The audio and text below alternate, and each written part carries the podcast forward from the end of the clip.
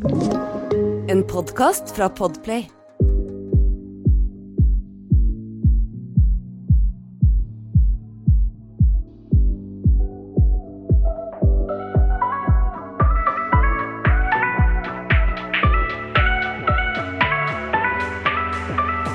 Eh, for litt over en uke siden så kom jo de nye tiltakene.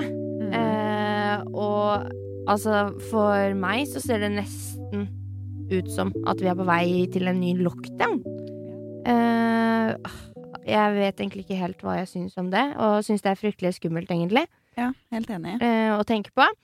Uh, men altså Ved at vi på en måte satt og snakket litt om de nye tiltakene, så viste jo du meg en video Yes. om en debatt som var i Litteraturhuset i Trondheim.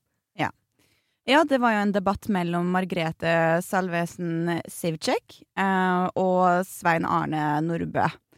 Eh, denne handla om koronaskepsis. og det var jo veldig, veldig spennende, eh, for det første, og det engasjerte meg noe ekstremt mye. Jeg har jo sittet og researcha dette konstant, jeg, den siste uka, egentlig. altså, det var jo så mye at faktisk ene dagen så da hadde jeg tydeligvis snakka i søvne om korona og smitte og hele At jeg måtte sjekke tallene og alt mulig. Det er helt Ja, ok, nå, nå har det klikka bare. Nei da. Men altså, du holder jo på å bli gæren av dette her. Ja. Eh, og det tror jeg veldig mange kan kjenne eh, seg inn igjen nå. Mm. Eh, med at eh, dette, dette eh, Hvor er det på vei hen, holdt jeg på å si? Så vi følte at det var nødvendig å ta en prat eh, om dette i dag. Uh, og da dette som tema. Korona og koronaskeptisk.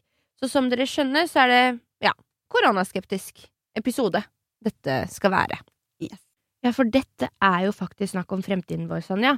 Og jeg føler egentlig ikke at de alle kritiske spørsmålene blir besvart. Jeg er helt enig, og altså, det har jo vært ekstremt lite mediedekning av akkurat dette her. Av de kritiske spørsmålene. Og det er jo faktisk leger som har stått frem, og da er det snakk om både norske og fra andre land, som har skrevet under på The Great Barrington Declaration at dette her er ikke riktig. Og på tanke med at det er blitt sensurert i tillegg til så lite mediedekning, det er jo rart. Det er fryktelig rart med tanke på at uh, det er faktisk snakk om 28 400 leger. Er mye. Ja, og, ti, og nærmere 11 000 medisin- og folkehelseforskere som har skrevet under. Altså da inkludert norske og helsepersonal som har Mm. gått ut og skrevet under på en erklæring om at slik vi håndterer korona, det er ikke sånn vi burde håndtere den. Eh, og det er liksom to sider av denne saken, men i medier og av myndighetene så hører vi mest om denne siden, som da gjelder frykt og store smittetall, og vi blir rett og slett skremt. Og så hører vi veldig lite om den andre siden av saken, som sier at dette ikke er så skummelt som man skal ha det til. Ja, det er helt riktig. Og fordi de fleste tiltakene som er blitt gjort, er politiske valg, uten faglig eller vitenskapelig grunnlag. Altså, det vil jo si at myndighetene har ikke tatt rådene fra FHI, leger eller forskere. Det syns jo vi er rart. Det har gjort oss litt mer skeptiske, rett og slett. Og nysgjerrige. Ja, og vi ser at vi trenger en som kan komme med mer informasjon. Derfor har vi tatt kontakt med Margrethe Salvesen Sivcek, og vi har fått en, eh, et telefonintervju med henne. Ja, og eh, det skal jo sies at eh, Margrethe hun er da i den Hun var jo med i den debatten som du viste meg. Yes. Eh, den videoen eh, fra Litteraturhuset i Trondheim. Den debatten. Eh, og Margrethe hun har gått hardt imot tiltakene. Eh, hun har jobbet med dette siden 12. mars. Eh, og derfor syns vi at det var fryktelig spennende at hun faktisk eh, Ja, hun kommer med fakta, statistikk og informasjon som ikke er eh, konspirasjon eller prokada, proka, propaganda, blir det. Propaganda. Men altså, det er Hun kommer med ren fakta. Mm. Og dette temaet er ikke blitt dekket av medier. Altså, denne siden av saken har vi ikke hørt nok om. Så vi vil være med på å legge dette frem, for det er snakk om vår fremtid, og det er viktig å stille kritiske spørsmål. når ikke alt av informasjon kommer frem. Og det er Absolutt. viktig å være nysgjerrig og søkende. Mm, absolutt. Korona er farlig for en viss gruppe mennesker og risikogruppen, men i det lange sikt så blir jo koronaviruset farlig for verden, altså for hele verden og verden over, på grunn av alle tiltakene, og da ikke selve viruset. Og det er jo litt rart at det, det, altså det skal bli farlig for hele verden på grunn av tiltakene, men ikke selve viruset. Syns det er veldig, veldig rart. Men I hvert eh, fall når man ser på alle tallene og alt det den andre siden av saken sier, alle disse legene som har skrevet under denne erklæringen. Mm. Som sagt, vi har jo fått et telefonmøte med eh, Margrethe, og vi hadde jo masse spørsmål eh, som vi trengte å få besvart. Og dette her vil jo vi dele med dere. Så jeg tenker vi bare kjører i gang med eh, spørsmålene til Margrethe. Mm. Første spørsmål eh, som vi hadde til Margrethe, var ehm, I løpet av disse syv månedene så, som har gått, har vi aldri fått vite av medier eller re regjeringen at eh, covid-19 er faktisk mindre farlig enn vanlig influensa. Hvorfor dekker ikke medier at leger og forskere har gått og sagt imot tiltakene og behandling av viruset? Hvor farlig er egentlig dette viruset? Og Margrethe svarer da det her. Eh, nå er det sånn at eh, det her viruset det er eh, farligere for dem som er over 70 år, enn for dem som er yngre enn 70 år. Eh, og Verdens helseorganisasjon de har informert om at korona er som en, en influensa. Og de har òg nylig publisert en eh, fagfellevurdert artikkel av en anerkjent epidemiolog som heter Joan Londis om dødeligheten på covid-19. Eh, Og den dødeligheten viser at viruset eh, i forhold til alle smitta ligger på mellom 0,05% i gjennomsnitt for, for dem som er under 70 år. Og det er mye lavere enn enn en vanlig influensa. Men det som WHO også sier, da, det er at omtrent 10% av verdens befolkning har nå blitt smitta av covid-19. Og hvis 10% har blitt smitta, så er det 800 millioner tilfeller. Og det globale antall dødsfall som for tida tilskrives covid-19-infeksjoner, det er litt i overkant nå av 1,1 millioner, og det gir da en dødsrate på infeksjoner på omtrent 0,14 Og det er helt i tråd med sesonginfluensa og de spådommene som har kommet fra veldig mange eksperter over hele verden.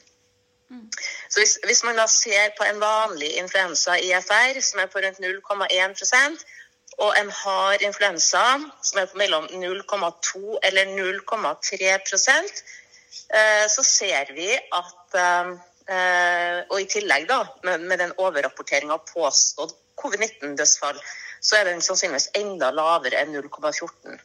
Eh, Og da kan det vise seg at covid-19 er mye mindre farlig enn eh, influensa. Og for, for, for unge og for barn så er influensa mye farligere enn covid-19.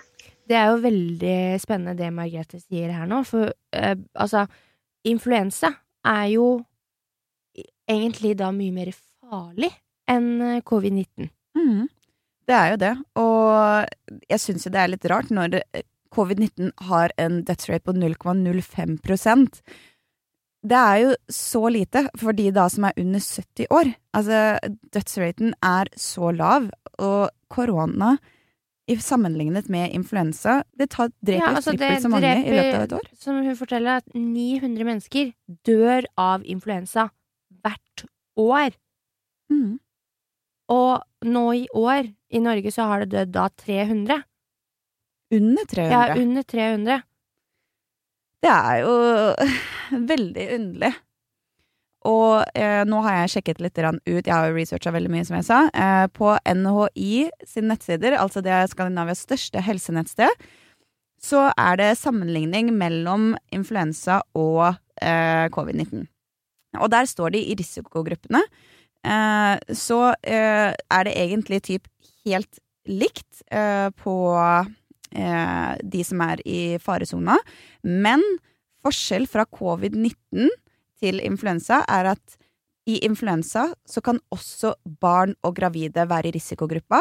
Det er de ikke til covid-19. Ja, det er, altså covid-19 er ikke farlig for de som er under 70 år, egentlig. Nei.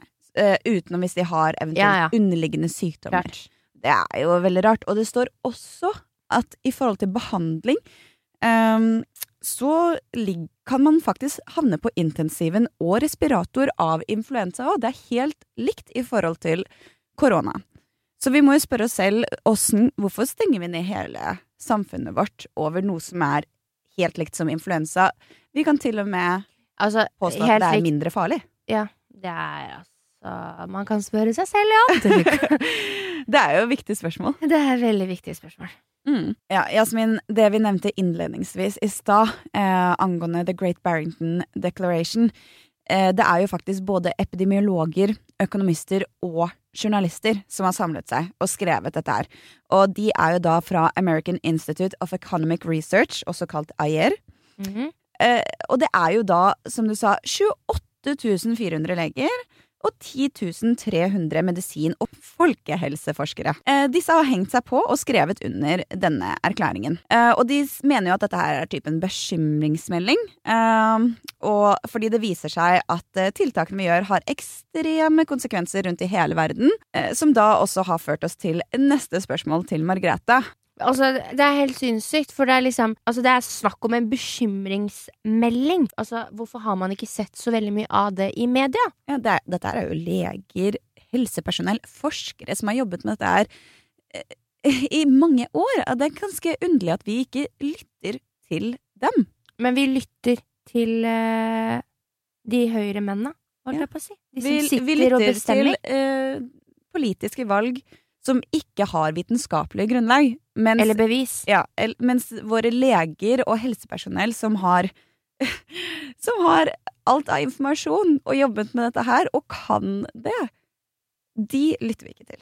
Derfor spurte vi Margrethe om hun kunne fortelle oss litt hva som faktisk kommer til å skje da, hvis vi fortsetter slik som vi gjør nå, og ikke tar rådene som The Great Barrington Declaration har rådet oss til. Og dette svarer Margrethe. Eh, Jeg har òg signert eh, Great Barrington Declaration.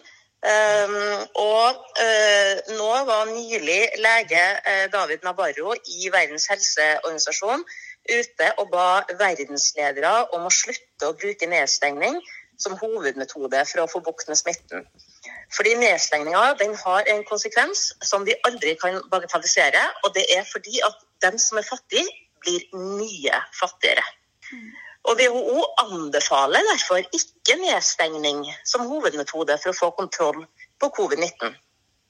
Legen eh, Navarro han ber da verdensledere om å se hvordan det går med land som er avhengig av turistnæringa. Nå ser vi Spania, Italia de er på randen av konkurs.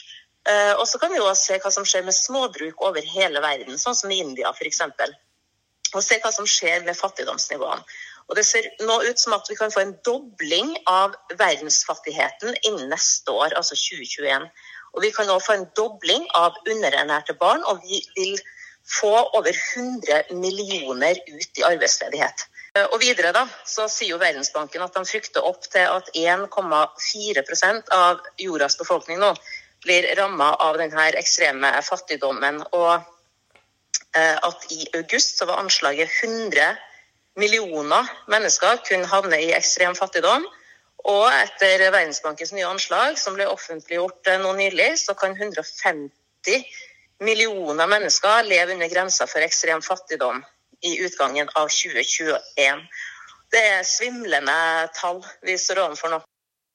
Altså, det her er jo helt skremmende, Jasmin. Ja, jeg også syns det er kjempeskremmende. Det er jo at verdensfattigheten skal faktisk fordoble seg innen neste år.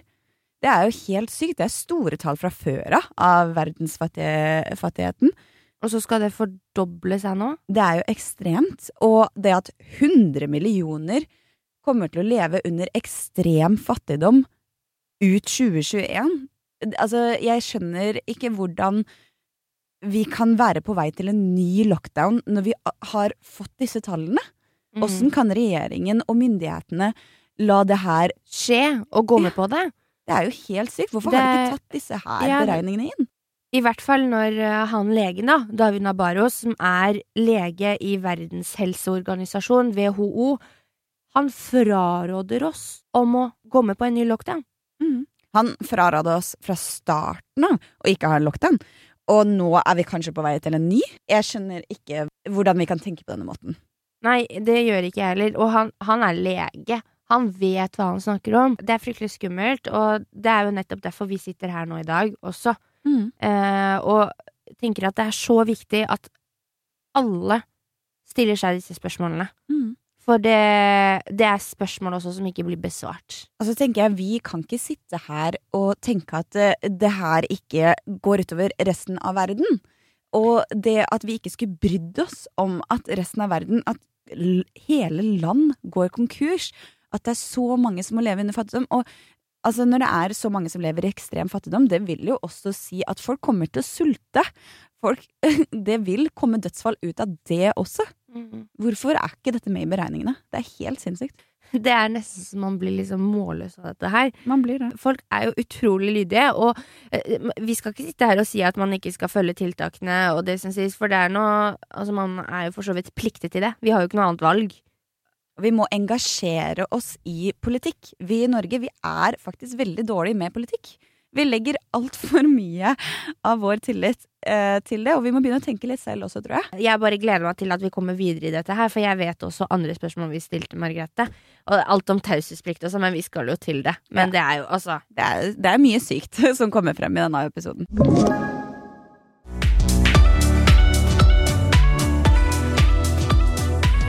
Neste spørsmål vi hadde jo da til Margrethe, kom på grunnlag av en eh, rapport som sa at oppimot 40 millioner mennesker kommer til å dø av korona. Men hvis vi gjorde tiltakene som vi ble rådet om, kunne vi få tallet ned til 10 millioner. Og nå er det jo da 1,2 millioner som har dødd som er påvist korona, og vi vet ikke om de har dødd av eller med korona. Hva er egentlig forskjellen der, og blir det ikke feil å vise så forvrengte tall når det er faktisk 9 millioner mindre enn det de antok ut ifra rapporten? Men eh, dette her er jo noe vi lurte på, eh, og fikk svar av, også av Margrethe.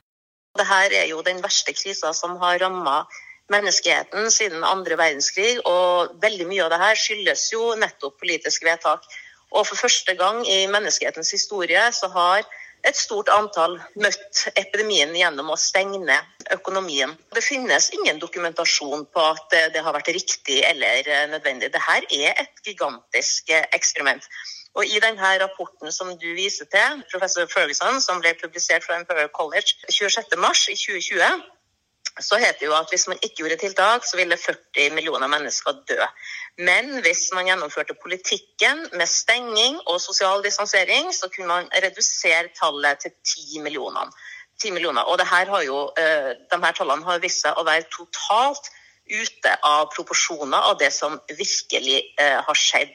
Professor Ferguson eh, han hadde heller ikke, altså denne modelleringa den var heller ikke fagfellevurdert før den ble brukt av flere nasjoner, som da bl.a. Norge.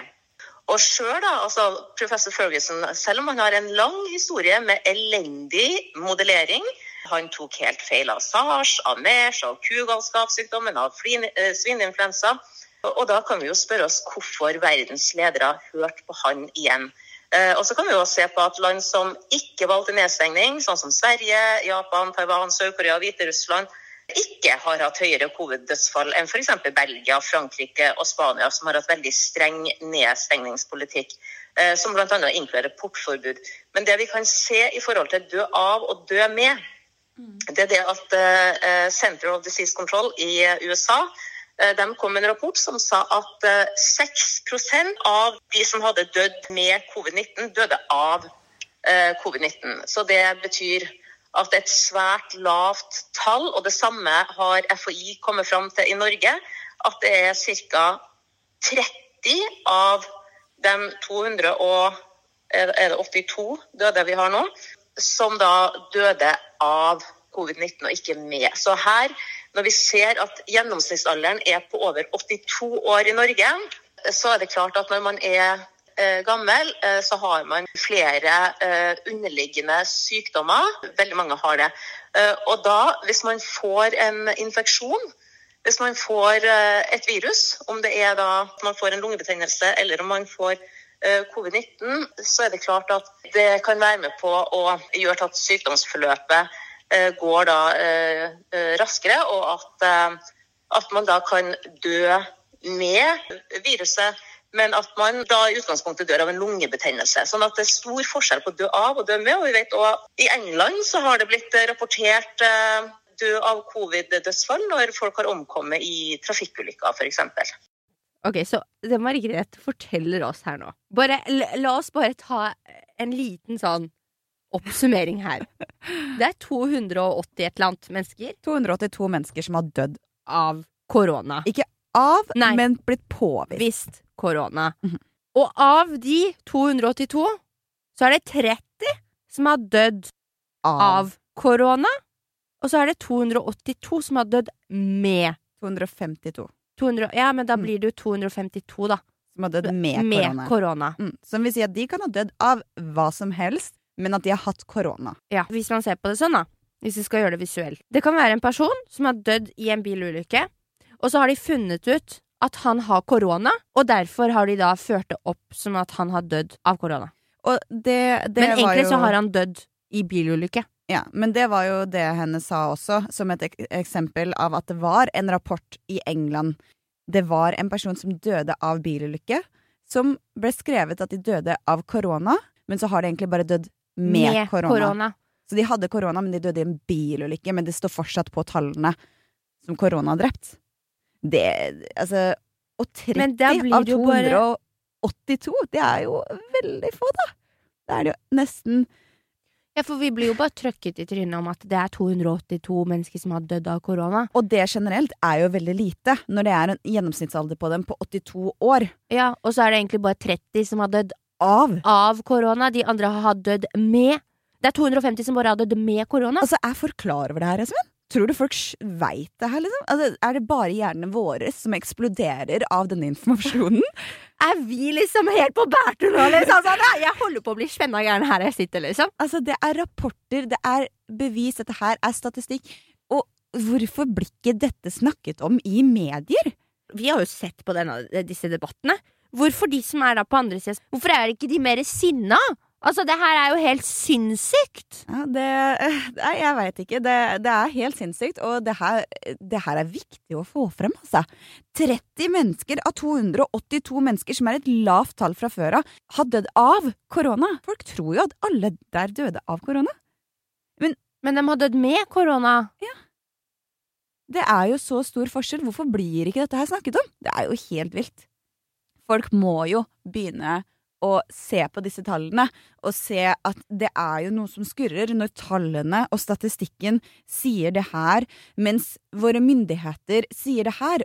Og til og med det at det her er FHI, Folkehelseinstituttet, som har kommet ut med at 30 personer har dødd av korona. Vi må åpne øya og brette opp arma og begynne å liksom Nå må vi engasjere oss. Altså Hallo! Jeg holder på å bli gæren. jeg tror jeg har blitt gæren. I don't know. Jasmin, tilbake til debatten som vi så på eh, på NRK. Mhm. Syns ikke du det er sykt rart åssen Høie reagerer mot Solvang når han spør om munnbind? Ja, ja, ja, ja, ja. Er du gæren? Det har jo skapt masse reaksjoner.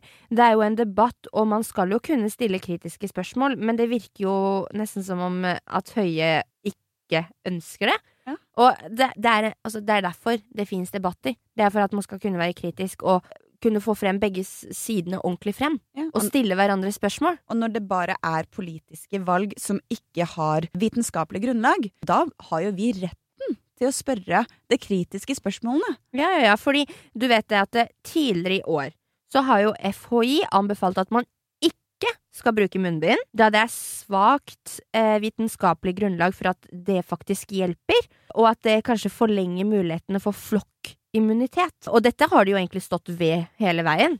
Ja, Men det som jeg syns er så sinnssykt rart, er at dagen etter debatten, der Solvang spurte Høie om dette her, om hvorfor det ble påbudt på munnbind når FHI ikke har anbefalt det tidligere, så går faktisk FHI ut i medier, og de sier de stiller seg bak tiltakene og regjering, det regjeringen har innført, inkludert munnbind. hvorfor endret de meningen dagen etterpå? Det er et spørsmål man kan stille seg, og det spurte vi også Margrethe. Og de har stått ved én ting hele veien, og dagen etter så kommer de med noe annet. Men la oss høre hva Margrethe svarer til det her.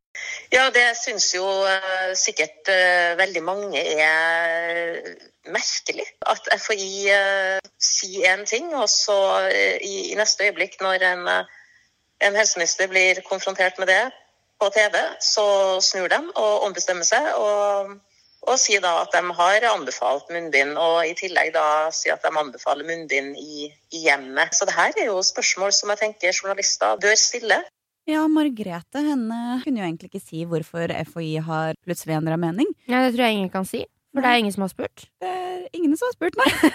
vi måtte faktisk uh, søke, og slik, slik, som vi klarte å søke oss frem til, så er det ingen som har spurt FHI om hvorfor de plutselig endret mening. Og det er jo fortsatt et svakt vitenskapelig grunnlag for at det skal hjelpe, så da syns jeg det er litt rart at FHI da har stilt seg bak disse tiltakene, når de har anbefalt det hele veien å ikke gjøre det. De gikk ut og sa at det vil gjøre at flokkimmuniteten tar lengre tid.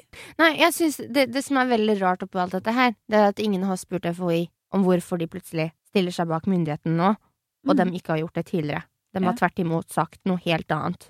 Mm. Eh, og det er bevist at det ikke hjelper. Ja, det er det. Uh, det eller det er ikke bevist at det ikke hjelper, men det er jo et svakt vitenskapelig grunnlag på at det hjelper. Ja, det var det jeg mente. Takk, mm. Sanja. Man skal holde tunga rett i munnen, holdt Ja, det er mye, og vi prøver at uh, alt skal komme frem riktig her, men det her er jo også, også veldig forståelig for dere, for det, det er liksom Det er veldig omviklet å sette seg inn, fordi ja. vi har fått vite så lite. Jeg tror vi bare skal konkludere akkurat den her med hvorfor har ingen spurt FHI om dette? Ja. Det lurer vi på. Mens vi er inne på debatten, eh, så argumenteres det også om at hvis vi hadde latt viruset slippe løst og ikke begrenset det, så ville mange flere dødd, da det er mest og flest unge mennesker, eh, altså som jobber med eldre. Mm. Er dette riktig, og hva kunne vi gjort med dette? Eh, og det, det, har vi da også spurt Margrethe om. Yes, og dette her svarer Margrethe. Det er nettopp derfor at man er nødt til å være forsiktig, og spesielt med dem som jobber på sykehjemmene, at man bruker eh, helsepersonell som allerede har erverva denne eh, immuniteten, eh, og at man gjør denne hyppige PCR-testinga ofte. Og så kan man jo gå i rotasjon av personalet, sånn at man hele tida passer på at personalet som jobber ikke fører smitte med inn på sykehjemmene. Og samtidig så kan man, sånn som pensjonister som bor hjemme, de kan få mulighet til å få dagligvarer og andre nødvendige varer levert hjem til seg uh, av bl.a. hjemmesykepleien. Så det er, mulig, det er, mulig, å beskytte de eldre og de sårbare. Og vi ser jo tidligere så har vi jo aldri stengt ned samfunnet pga. at noen har vært i, i risikogrupper, allergikere. Altså det er jo det samme som med, med peanøtter. Vi slutter jo ikke å selge peanøtter fordi om noen har nøtteallergi. Så det er sånn at eh, man er nødt til å ta ansvar for egen helse også, og så må vi beskytte de eldre så godt vi kan. Og så må vi andre fortsette livene våre. Fordi hvis ikke så, så, vil økonomien bli ødelagt. Og hvis økonomien vår blir ødelagt, så har vi heller ikke mulighet til å ivareta et godt eh, helsevesen. Det er veldig spennende det Margrethe forteller, for det er jo faktisk sånn at eh, hvis vi faktisk bare hadde brukt for her har det brukt mye penger, ikke sant? Og hvis vi bare hadde brukt halvparten så mye penger som vi har brukt på tiltakene, på å faktisk tilrettelegge og beskytte de gamle og de som er i risikogruppa, så kunne vi eh, som er friske, og da ikke er i risikogruppa for, det, for korona, vi kunne fortsette å leve et vanlig liv, mm. og oppnå da folkeimmunitet. Det er, det er, jo det tallene sier, ja. ja. Eh, og, og statistikk. Jo, ja. Men det som jeg syns er litt eh, rart, er jo det er jo folk som eh, prøver også å si det at uh, det er umulig for oss å oppnå folkeimmunitet fordi man kan bli smitta av korona flere ganger. Og det sier de på grunnlag av Hva var det du fant ut av? Nei, det er jo noen, noen som har laget noen artikler på dette her, da. At det, man kan bli smitta flere ganger. Men de har jo da ikke skrevet hvordan statistikken er. Fordi det som er greia, det er i underkant av 48 millioner mennesker som er blitt smitta av korona. Vi vet jo at det er bare 1,2 som har dødd av det. Mm. Men av de 48 millionene menneskene som er smitta, så er det faktisk bare 20 mennesker som er bekreftet smittet to ganger. Og i tillegg til det så skal det sies at av de 1,2 millioner som har dødd av korona Vi vet jo ikke om folk har dødd av eller med korona. Det i tillegg. Når 48 millioner har blitt smittet, og tallene viser at det bare er 20 som er bekreftet smittet to ganger På verdensbasis. Så folkeimmunitet er jo mulig da, egentlig ut ifra tallene. Folkeimmunitet er absolutt mulig, og det er eh, helt normalt at eh, man oppnår folkeimmunitet av eh, en, et virus. Det viruset her er ikke noe forskjell på. Jeg føler det er rein skremming, det som er blitt lagt ut av eh, artikler. Mm. Ja, for det er jo litt sånn med alle typer sykdommer, egentlig. For alle typer sykdommer kan man jo få egentlig to ganger. Men det er veldig, veldig, veldig veldig sjeldent. Ja, Og, det er jo det akkurat det som man ser med korona òg. Det er akkurat det samme med korona, og uh, i forhold til uh, at det er 20 stykker som er bekreftet på verdensbasis, da refererer jeg til VG sin artikkel uh, som ble publisert 1. oktober. Så det er jo ganske Ganske underlig at vi skremmer opp folk med at vi kan bli smitta flere ganger, og så er det bare 20 stykker på verdensbasis av 48 millioner mennesker som ble smitta to ganger. Vi blir skremt over noe som vi kanskje ikke hadde trengt å blitt så veldig skremt over. Så det, jeg syns det er ganske trist, og jeg er så lykkelig for at eh, Margrethe kommer og gir oss disse tallene. Ja, jeg også, og jeg, jeg er bare uh, veldig lykkelig over at uh, vi faktisk uh, Begge vi to er såpass nysgjerrige mennesker Ja. at vi vil høre om, mer om dette her og gjøre litt research, og det må folk begynne å gjøre. Vi må det fordi det blir ikke vist til deg. Alle vi mennesker har fått en hjerne av en grunn, ja. og det er for at vi også skal kunne tenke sjæl, Ja. og ikke bare høre på alt som blir sagt. Og de tingene, de tingene her skal vi ærlig si at har vært litt vanskelig. Vi har måttet sitte og søkt opp selv. Det er ikke noe som har liksom kommet på VG eller noe sånt opp, på førstesiden. Det her er ting vi har måttet søkt opp. Vi anbefaler dere også å gjøre det. Men vi eh, går tilbake til uh, den debatten som fikk oss til å stille alle disse spørsmålene, Jasmin. Ja, altså den med um, Margrethe Ja. uh, i litteraturhus, littera, litteratur, Litteraturhuset i Trondheim. Der forteller blant annet Margrethe at regjeringen har lagt inn et forslag til Justisdepartementet at de ønsker 100 års taushetsplikt angående korona. De landet på 60 år, men det vi lurer på, hvorfor er det 60 års taushetsplikt rundt dette, når det er så inngripende i livene våre? Ja, hvorfor skal ikke befolkningen få vite alt man trenger å vite? Om noe som inngår alle oss. La oss høre på hva Margrethe sier om det her. Regjeringa har satt ned en koronakommisjon som i tidsskriftet Den norske legeforening har blitt eh, kritisert for å være inhabil og inkompetent. Og de fleste medlemmene der er politikere eller administratorer. Og blant de tre legene så er det bare én aktiv kliniker, klinikere, og det er ingen eh, sykepleiere eh, som eh, er representert. Og i dette lovforslaget som kom først fra Justis- og beredskapsdepartementet, så kom det fram at regjeringa ønska at eh, koronakommisjonens taushetsplikt skulle gjelde i hele 100 år. Eh, Og da kan man spørre seg, med 100 års hemmelighold, så vil jo garantert ingen av dem ansvarlige for denne nedstengningspolitikken stå til ansvar. Men nå har de altså landa på 60 års hemmelighold. Men om 60 år så er i hvert fall eh, de fleste på min alder borte. Da er det dere kun de yngste her som får muligheten til å stille de, eh, de her kritiske spørsmålene. Men spørsmålet er jo hvorfor i all verden skal det være 60 års taushetsplikt? Det er veldig spennende det Margrethe forteller her. For det er jo faktisk sånn at med en sånn taushetsplikt så vil jo ingen av de som, er, som bestemmer og er med å bestemme nå, kunne stå til ansvar senere. Ja, det er sant. Det er jo de fleste gått bort etter 100 år. Eh, for så vidt så har jo de fleste gått bort etter 60 år også. Ja, det har de jo.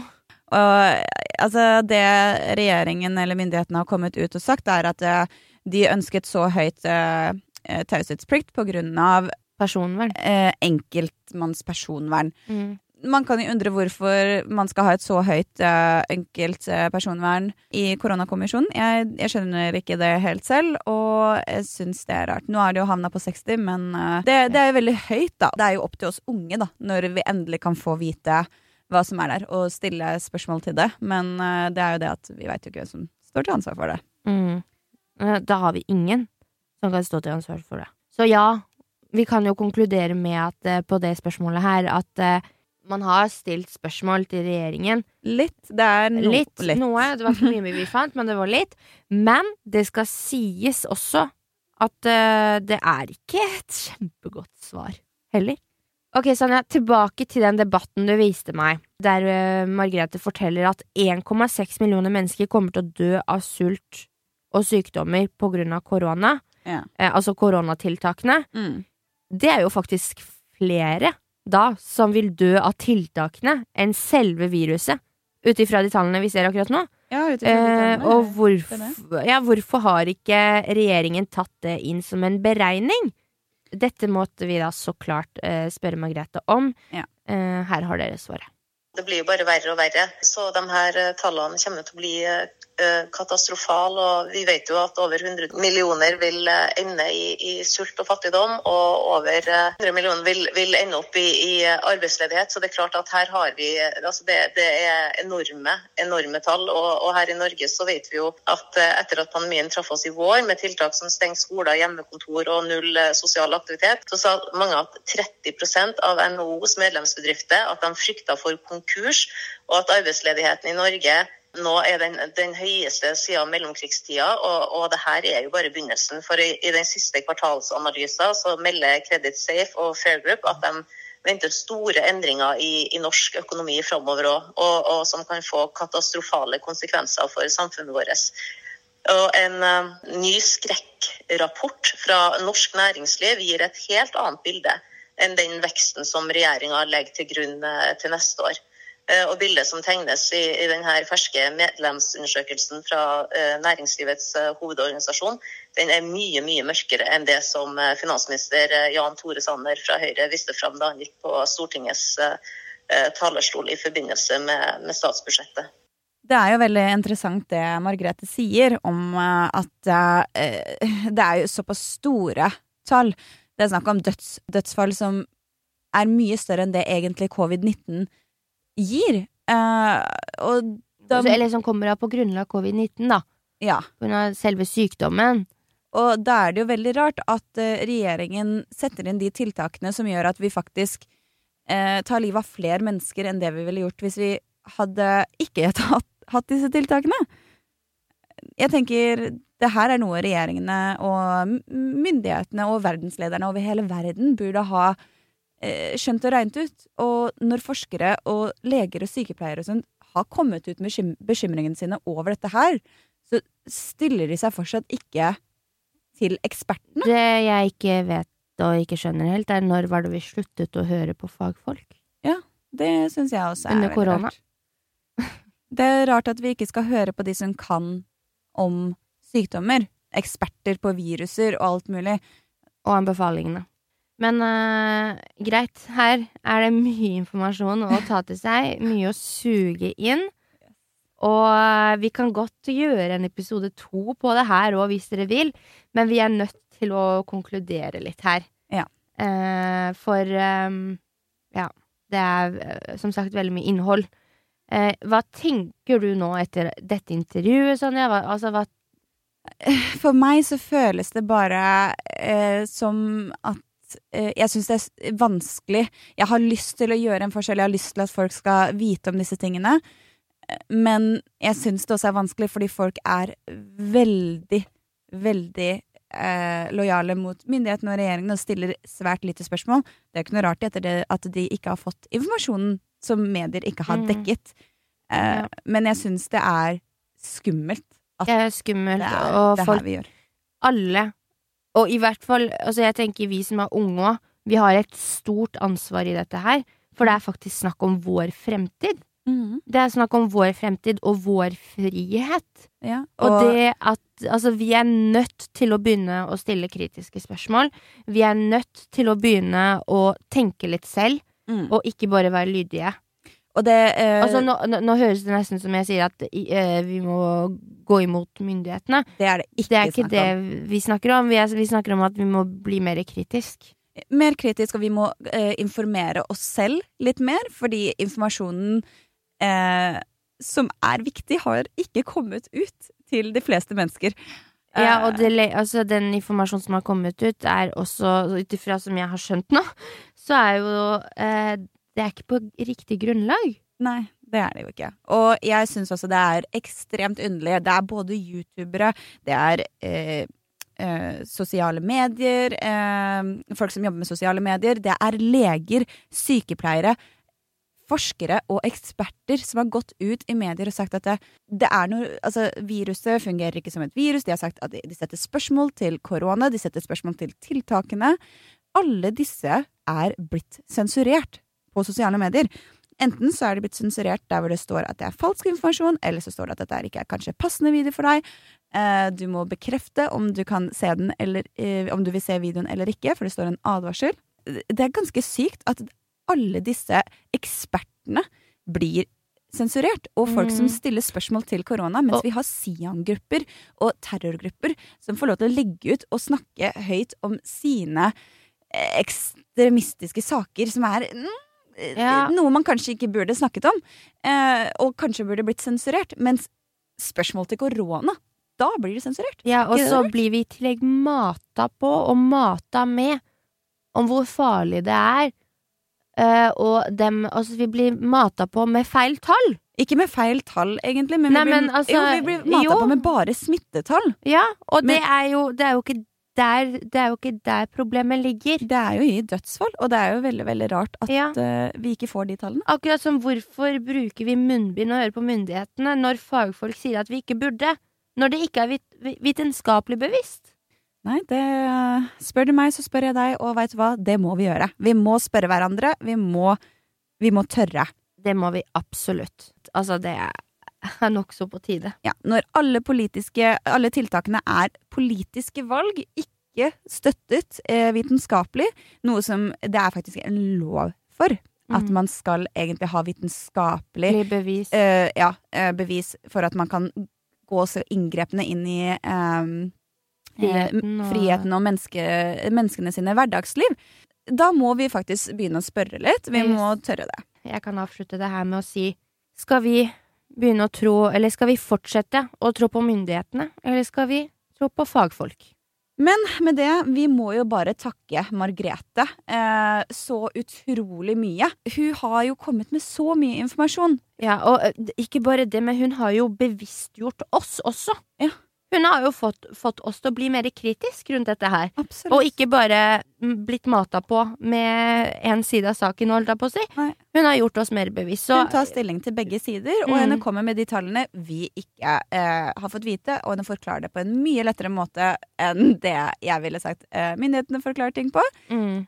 Så tusen, tusen hjertelig takk, Margrethe. Eh, hvis du hører på det, det håper vi. eh, sjekk gjerne ut Margrethe på sosiale medier. Yes. Eh, dere kan eh, finne henne både på Facebook og på Instagram.